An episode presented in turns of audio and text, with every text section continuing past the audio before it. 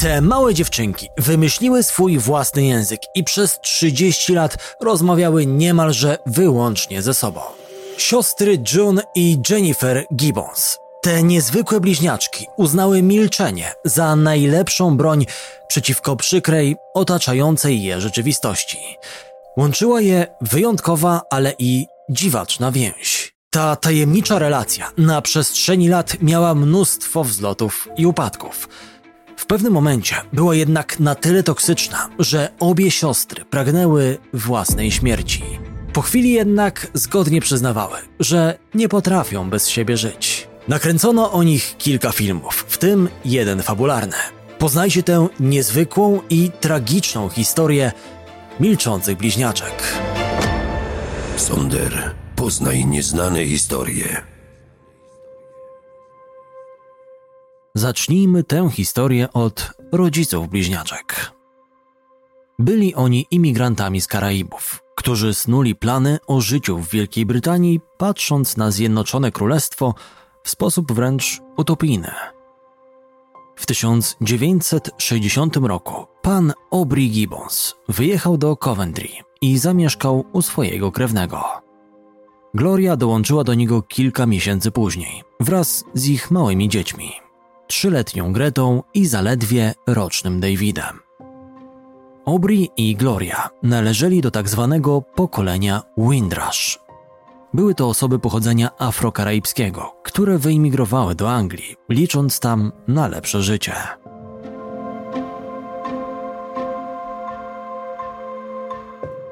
Aubrey w ojczyźnie Szekspira uzyskał odpowiednie umiejętności, by zostać technikiem w królewskich siłach powietrznych.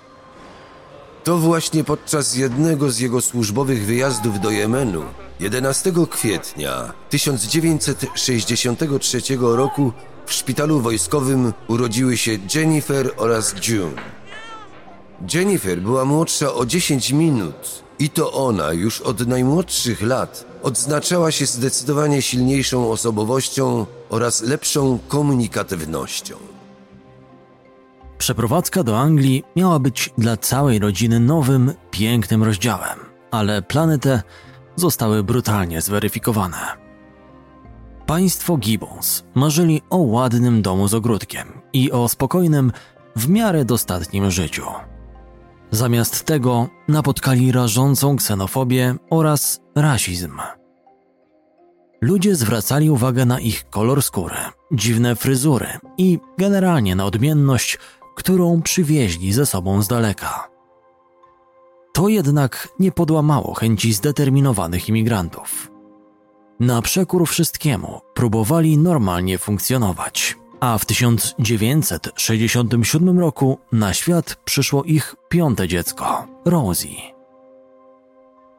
Cztery lata później Aubrey został przeniesiony do pracy w hrabstwie Devon na południu Anglii. Bliźniaczki miały wtedy 8 lat i już kilka lat wcześniej zauważono, że ich rozwój nie przebiega prawidłowo. Mówiły bardzo mało jak na swój wiek, a sytuację pogarszała wada wymowy, która trapiła obie siostry. W nowej szkole były jedynymi czarnoskórymi uczennicami, co szybko dało innym pretekst do wyśmiewania. Doświadczały notorycznego obrażania ze strony rówieśników, którzy zwykli przy tym ciągać je za włosy. Kumulacja tych przykrości tylko pogłębiała wycofanie sióstr wobec ludzi.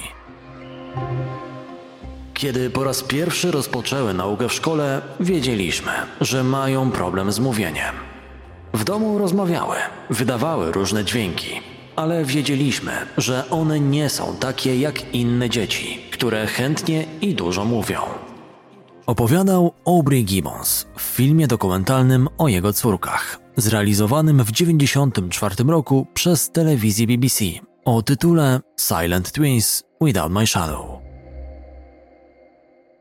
Trudności z porozumiewaniem się i liczne szykany ze strony społeczeństwa pewnego dnia przelały czarę goryczy. Siostry zawarły przysięgę. Swoisty pakt, który zakładał, że będą rozmawiać wyłącznie ze sobą. Reszta rodziny zaczęła słyszeć ich specyficzne dyskusje, lecz trudno było wyłapać w nich jakiekolwiek znane im słowo. Bliźniaczki mówiły w zupełnie niezrozumiałym języku, którego dziwaczność potęgowała spora wada wymowy. W 1974 roku rodzina Gibbons znów z racji pracy pana Obri wyjechała do Walii i osiadła w małej miejscowości Haverford West. Okazało się, że bliźniaczki trafiły z deszczu pod rynnę, bowiem tamtejsi mieszkańcy byli jeszcze bardziej rasistowsko uprzedzeni niż ludzie, z którymi przyszło im obcować w Anglii. W szkole nauczyciele pozwalali siostrom oraz ich bratu Davidowi ponownie, jedynym czarnoskórym dzieciom w placówce, opuszczać lekcje kilka chwil przed dzwonkiem, aby mogły wrócić do domu z dużą przewagą nad potencjalnymi prześladowcami.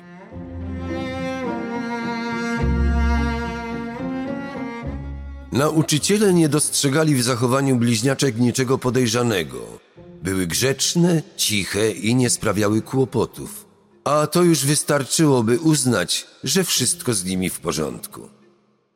Niepokojące zachowanie u June i Jennifer zauważył dopiero w 1976 roku lekarz John Rees, który odwiedził szkołę, by zaszczepić uczniów przeciwko gruźlicy.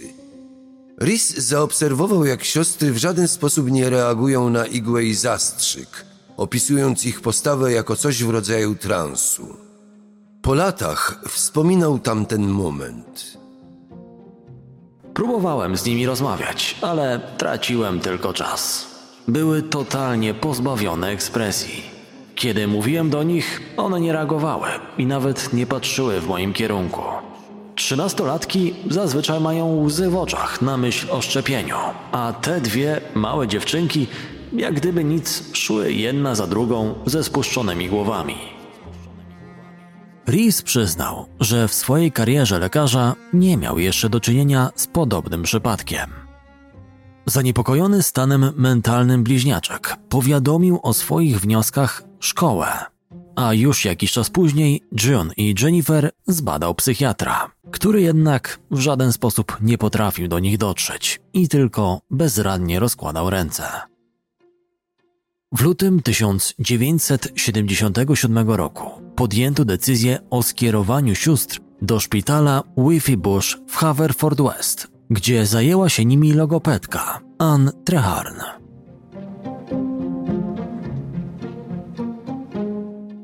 Bliźniaczki nie chciały wydusić słowa w kierunku Ann, ani nawet niczego pomiędzy sobą w jej obecności. Wyraziły jednak zgodę, by mówić na głos i nagrywać swoje słowa, gdy kobieta wychodziła z pomieszczenia. Treharn w zaciszu swojego gabinetu później odsłuchiwała te nagrania, odkrywając, że tajny język sióstr to tak naprawdę angielski pomieszany ze slangiem z Barbadosu, skąd pochodzi rodzina Gibbons. Szybko wypowiadane słowa, zachodnioindyjski akcent oraz wada wymowy sprawiały, że nikt nie rozumiał, co tak naprawdę mówiły. Treharn zanotowała jeszcze jedną istotną rzecz. Jej zdaniem Jennifer miała kontrolę nad John. Kiedy chciała porozmawiać z John na osobności, Jennifer samym spojrzeniem na siostrę powstrzymywała ją przed tym. Był to wyraz dominacji, która zrobiła na logopedce bardzo duże wrażenie. Wtedy jeszcze nikt nie wiedział, że nieprawdopodobnie bliska więź sióstr, jak się okaże w przyszłości, może doprowadzić na skraj tragedii.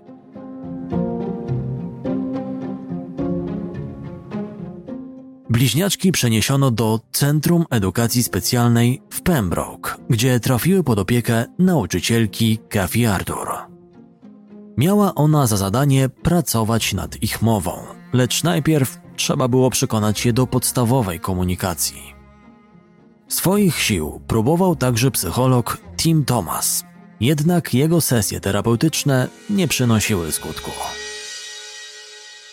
June i Jennifer dalej patrzyły się przed siebie, zupełnie niezainteresowane wypowiedzeniem choćby jednego słowa. Tak bardzo przywykły do rozmawiania jedynie ze sobą, że właściwie nie do przeskoczenia było wyjście z tej strefy komfortu i polemika z innymi ludźmi. Siostry wiele czynności wykonywały rytmicznie. Doszło nawet do tego, że gdy budziły się rano, oddychały na zmianę. Najpierw jedna z nich brała wdech, potem druga i tak w kółko, w myśl ustalonego rytmu. Na początku była to zabawa i rodzaj gry, która przerodziła się jednak w coś więcej. Najpierw traktowałyśmy to jako zabawę, jednak im dłużej tak robiłyśmy, tym bardziej byłyśmy w tym uwięzione. To zaszło za daleko i chociaż chciałyśmy być normalne, nie mogłyśmy wyrwać się z tego stanu. Próbowałyśmy wrócić do rzeczywistego świata, ale było już za późno. Tłumaczyła June we wspomnianym dokumencie o ich życiu.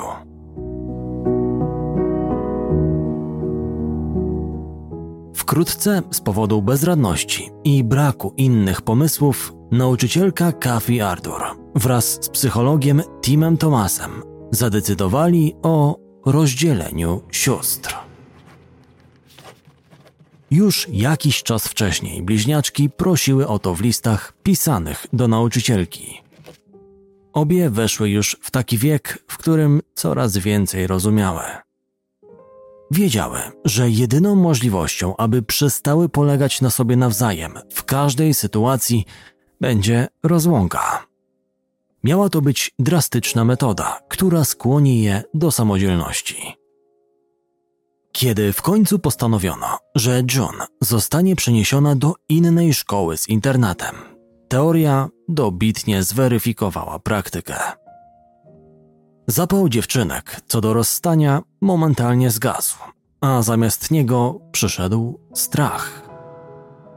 Gdy w marcu 1978 roku June wyjechała do nowej szkoły, piętnastolatka uległa tam całkowitemu załamaniu. Wpadła w marazm, który trudno było wyjaśnić. Oprócz tego, że oczywiście nic nie mówiła, to w ogóle nie jadła i nie chodziła do łazienki. Siedziała tylko w bezruchu, patrząc pusto w dal. Nie potrafiła odnaleźć się w rzeczywistości, w której nie ma jej siostry. W pewnym sensie stanowiły jeden nierozerwalny organizm.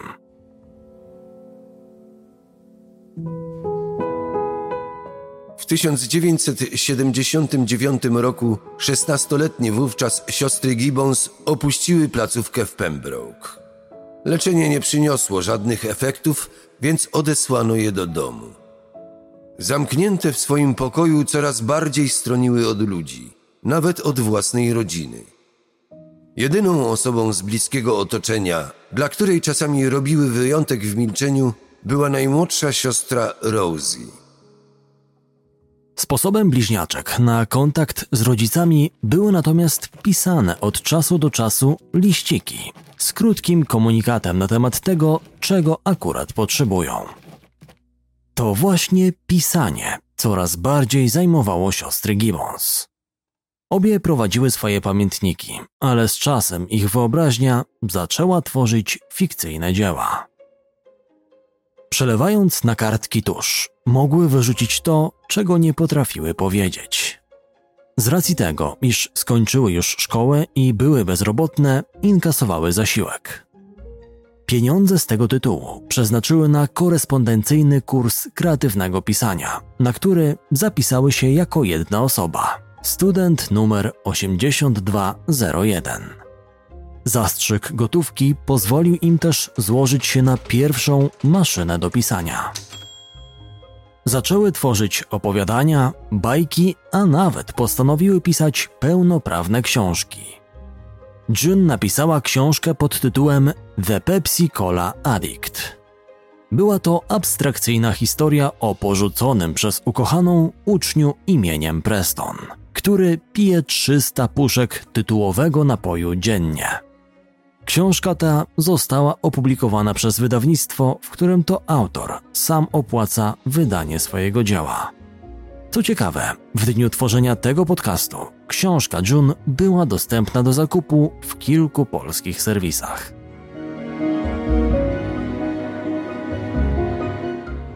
końcu jednak i ta pasja przestała je satysfakcjonować. Weszły już w dorosły wiek i zamknięcie w czterech ścianach zaczęło być męczące.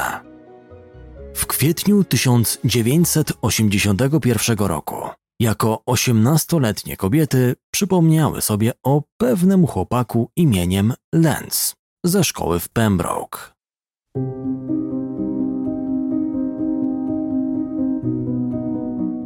Młodzieniec wpadł im w oko, więc postanowiły go odszukać. Znając jego nazwisko, szybko odkryły, że mieszka zaledwie 10 mil od Haverford West.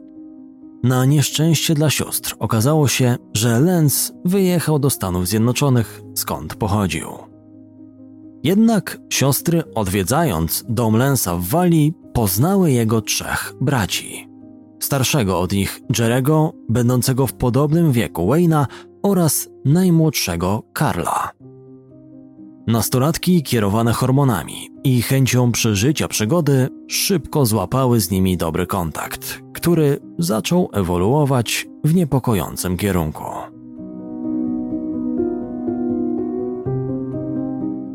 Wraz z nowymi kolegami zaczęły pić alkohol i zażywać nielegalne substancje.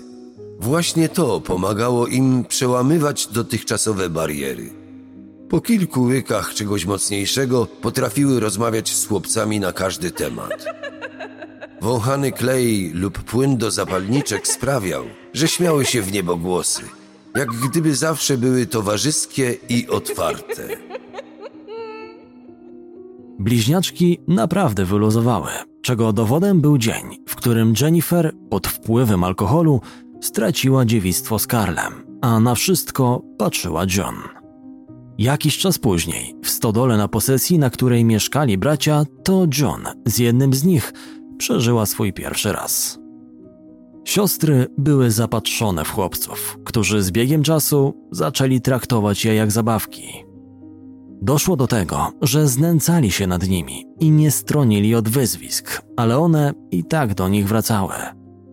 Jednakże w swoich pamiętnikach wspominały ten czas jako kilka tygodni zabawy i szczęścia.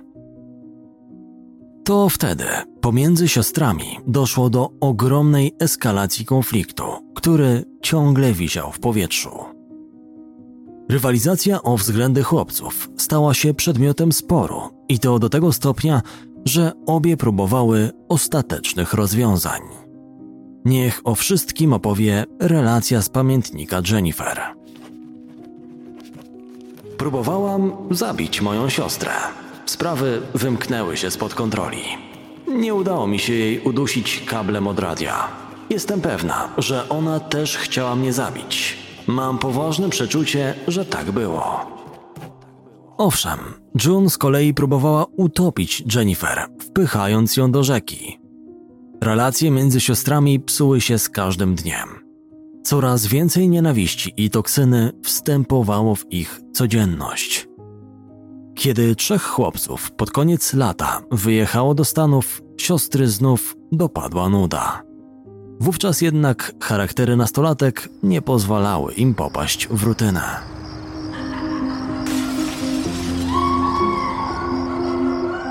Wychodząc nocą z domu, popełniały drobne przestępstwa, takie jak kradzieże, malowanie graffiti, rozbijanie okien czy inne tego typu akty wandalizmu. Jesienią 1981 roku każdą frustrację wyładowywały na sobie. Wpadły też w niezdrowy nawyk obiadania się i zwracania jedzenia. W swoich pamiętnikach wylewały coraz to mroczniejsze frazy, będące wyrazem złości i nieradzenia sobie z opanowaniem emocji. Nienawidzę jedzenia, które niszczy moją duszę, moją twarz i moje ciało. A mimo to jem z obowiązku i ze zmęczenia. Wgryzam się w ciało mojego wroga i gdy przeżuwam, moje jedzenie zwycięża. Pisała June w swoim pamiętniku.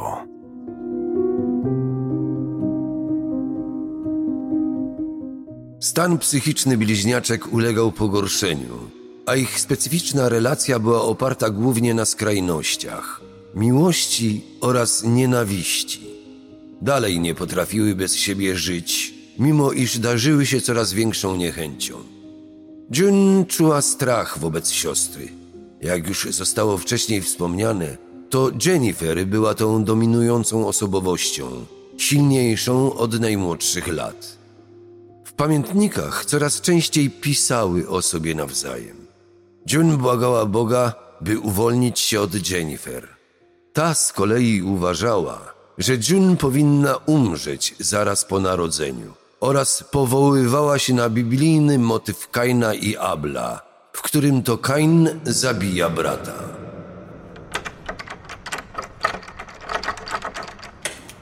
Pewnej nocy, w październiku 1981 roku, bliźniaczki włamały się do sklepu i podpaliły go. O czym w pamiętniku pisała John, uznając to za niezwykłą zabawę i coś ekstremalnie ekscytującego. Pragnęła zostać największym podpalaczem w rejonie. Pożar sklepu był spory i w jego wyniku bardzo mocno ucierpiał jeden ze strażaków gaszących ogień, a straty sięgały ogromnej sumy.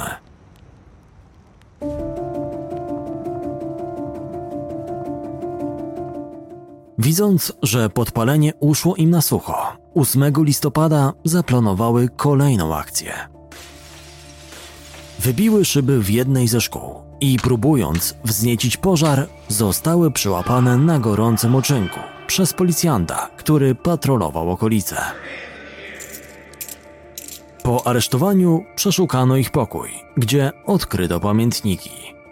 Zapisano w nich wszystko, co świadczyło o winie sióstr także za pożar z października. Młode piromanki trafiły do aresztu w miejscowości Packle Church. Przez 7 miesięcy czekały tam na decyzję sądu w kwestii ich przyszłości.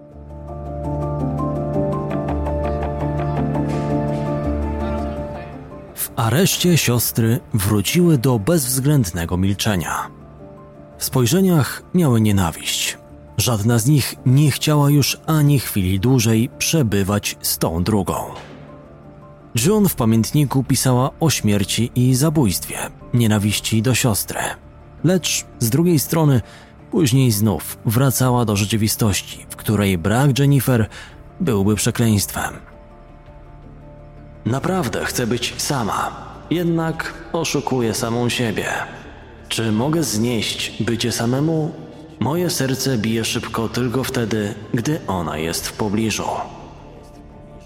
W maju 1982 roku, podczas rozprawy sądowej w Swansea, przyznały się do popełnienia 16 przestępstw, w tym kradzieży i podpalenia. Obrońca sióstr chciał, aby przebadał je psychiatra. Doktor William Spry zajął się nimi i z wielkim trudem, ale przekonał młode chuliganki do rozmowy. Podczas dyskusji z doktorem, siostry zaczęły się bić, zmuszając personel do interwencji. Spry finalnie zdiagnozował u nich początkowy etap schizofrenii, co pozwoliło im uniknąć więzienia. To nie oznaczało jednak, że mają powody do zadowolenia. Zamiast za kratki trafiły bowiem na czas nieokreślony do szpitala Broadmoor, leżącego w miejscowości Crowthorne nieopodal Londynu. Broadmoor to szpital o wyjątkowo zaostrzonym rygorze. Leczyli się tam słynni mordercy, tacy jak choćby Peter Sutcliffe, znany pod pseudonimem rozpruwacz z Yorkshire. Jeszcze przed wyjazdem do Anglii wyobrażały sobie, że pobyt w szpitalu pomoże im w problemach i wyrwie je z małego pokoju w domu rodzinnym, gdzie dusiły się we własnym sosie i nakręcały nienawiść w stosunku do siebie nawzajem.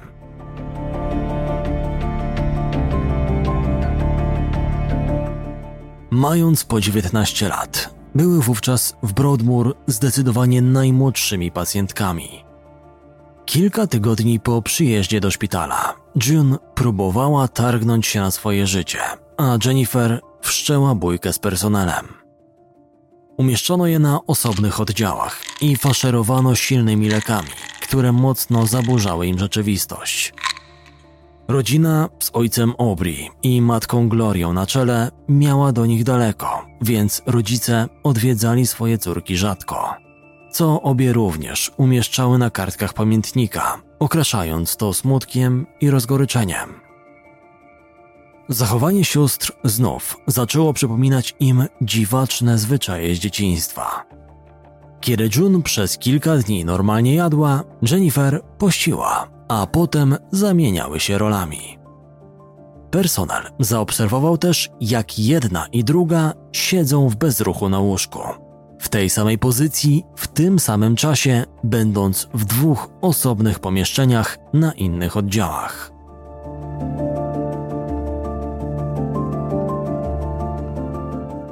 Poddano je również testowi IQ, który wykazał, że są ponadprzeciętnie inteligentne, właściwie na granicy geniuszu. Coraz częściej pozwalano im na komunikację i odwiedziny, ale większość czasu spędzały osobno, pisząc do siebie listy. Wkrótce i to stało się problemem, ponieważ Jun zachorowała na dyskinezę, czyli nagłe, nieskoordynowane i mimowolnie występujące ruchy, co mocno przeszkadzało w pisaniu. June i Jennifer zaczęły popadać w rozpacz. Lekarze wciąż uznawali, że potrzebują leczenia, więc ich pobyt w Broadmoor trwał kolejne lata. Siostry zaczęły normalnie rozmawiać z lekarzami, by wybłagać bilet na wolność, a nawet napisały list z prośbą o pomoc do Ministerstwa Spraw Wewnętrznych i samej królowej Elżbiety II. Kiedy pozwolono siostrom znów przebywać w jednej celi, ponownie rzucały się na siebie z pięściami. Lecz kiedy je rozdzielano, tęskniły i pisały do siebie listy z przeprosinami. Toksyczność tej relacji przekroczyła wszelkie granice. Nie ma wątpliwości, że lata spędzone w Broadmoor byłyby dla sióstr jeszcze większym koszmarem, gdyby nie dziennikarka Marjorie Wallace.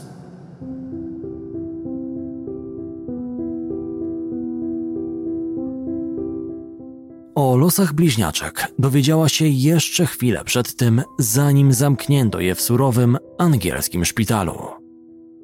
Za zgodą rodziców dotarła do starych pamiętników pisanych przez June i Jennifer.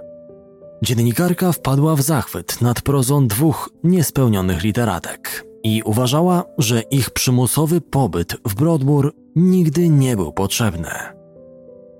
Wallace latami odwiedzała bliźniaczki i z biegiem czasu zyskała zaufanie obu, wypuszczając serię artykułów o ich losie.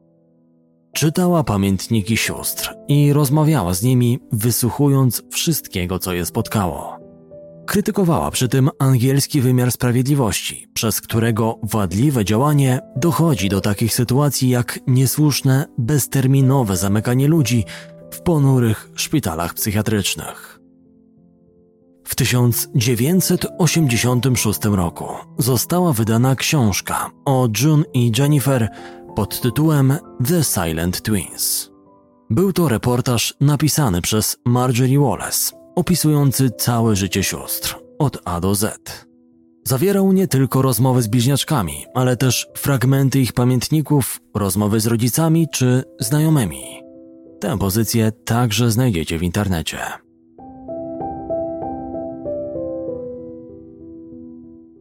Wallace i siostry tworzyły trio oparte na przyjaźni.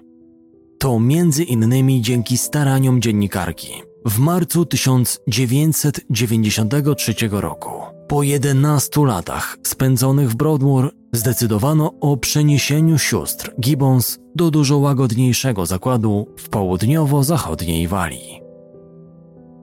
Tuż przed wyjazdem Jennifer narzekała na słabe samopoczucie. Kiedy przyjechały na miejsce, jej stan był bardzo zły. Nagle straciła przytomność, więc prędko zawieziono ją do szpitala, gdzie zmarła w wieku niespełna 30 lat. Podczas sekcji zwłok wykryto rozległe zapalenie mięśnia sercowego. Pochowano ją w Haverford West, a epitafium na jej grobie stanowił krótki wiersz June.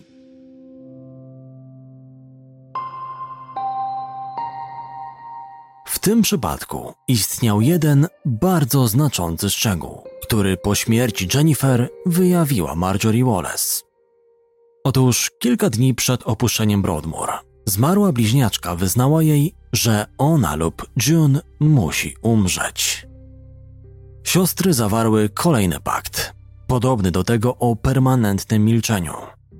Doszły bowiem do wniosku, że aby choć jedna z nich mogła być szczęśliwa, druga musi odejść.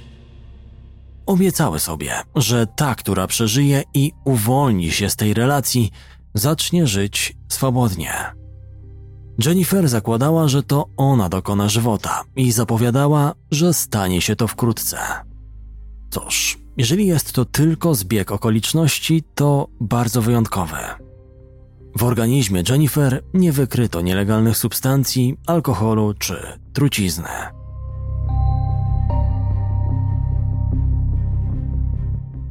June po roku opuściła zakład w Walii i wzięła udział w realizacji wspomnianego dokumentu. Po milczeniu i wycofaniu nie pozostał ślad. Zaczęła żyć normalnie i poszukiwać szczęścia, tak jak obiecała, zawierając ze zmarłą siostrą pakt. Dzisiaj ma już 60 lat i według najnowszych dostępnych informacji mieszka nieopodal swoich rodziców. Marjorie Wallace w swojej książce dała upust złości na temat pobytu sióstr w Broadmoor. To właśnie te 11 lat, wyciągnięte z ich życiorysu, mogło zmienić wiele, gdyby nie przymusowe zamknięcie. Nie otrzymały pomocy, której tak bardzo potrzebowały. Zamiast tego na 11 lat umieszczono je w szpitalu o zaostrzonym rygorze, gdzie spotkały głównie zabójców, gwałcicieli i pacjentów z poważnymi zaburzeniami psychicznymi. Wszystko to w wieku, w którym powinny pokazać się światu jako młode, bardzo utalentowane kobiety. Twierdziła Wallace na kartkach własnego dzieła. W 2022 roku do kin trafił film oparty na książce dziennikarki i nosił taki sam tytuł. Wyreżyserowała go Polka Agnieszka Smoczyńska. Film spotkał się z dobrym przyjęciem i otrzymał kilka nagród. Był młodym, obiecującym aktorem, którego kariera nabierała rozpędu. Nikt nie spodziewał się, do czego tak naprawdę jest zdolny. Sprawdźcie poprzedni odcinek Sondera o Ryanie Granthamie, jeżeli jeszcze nie mieliście okazji. Polecam. Do usłyszenia za chwilę.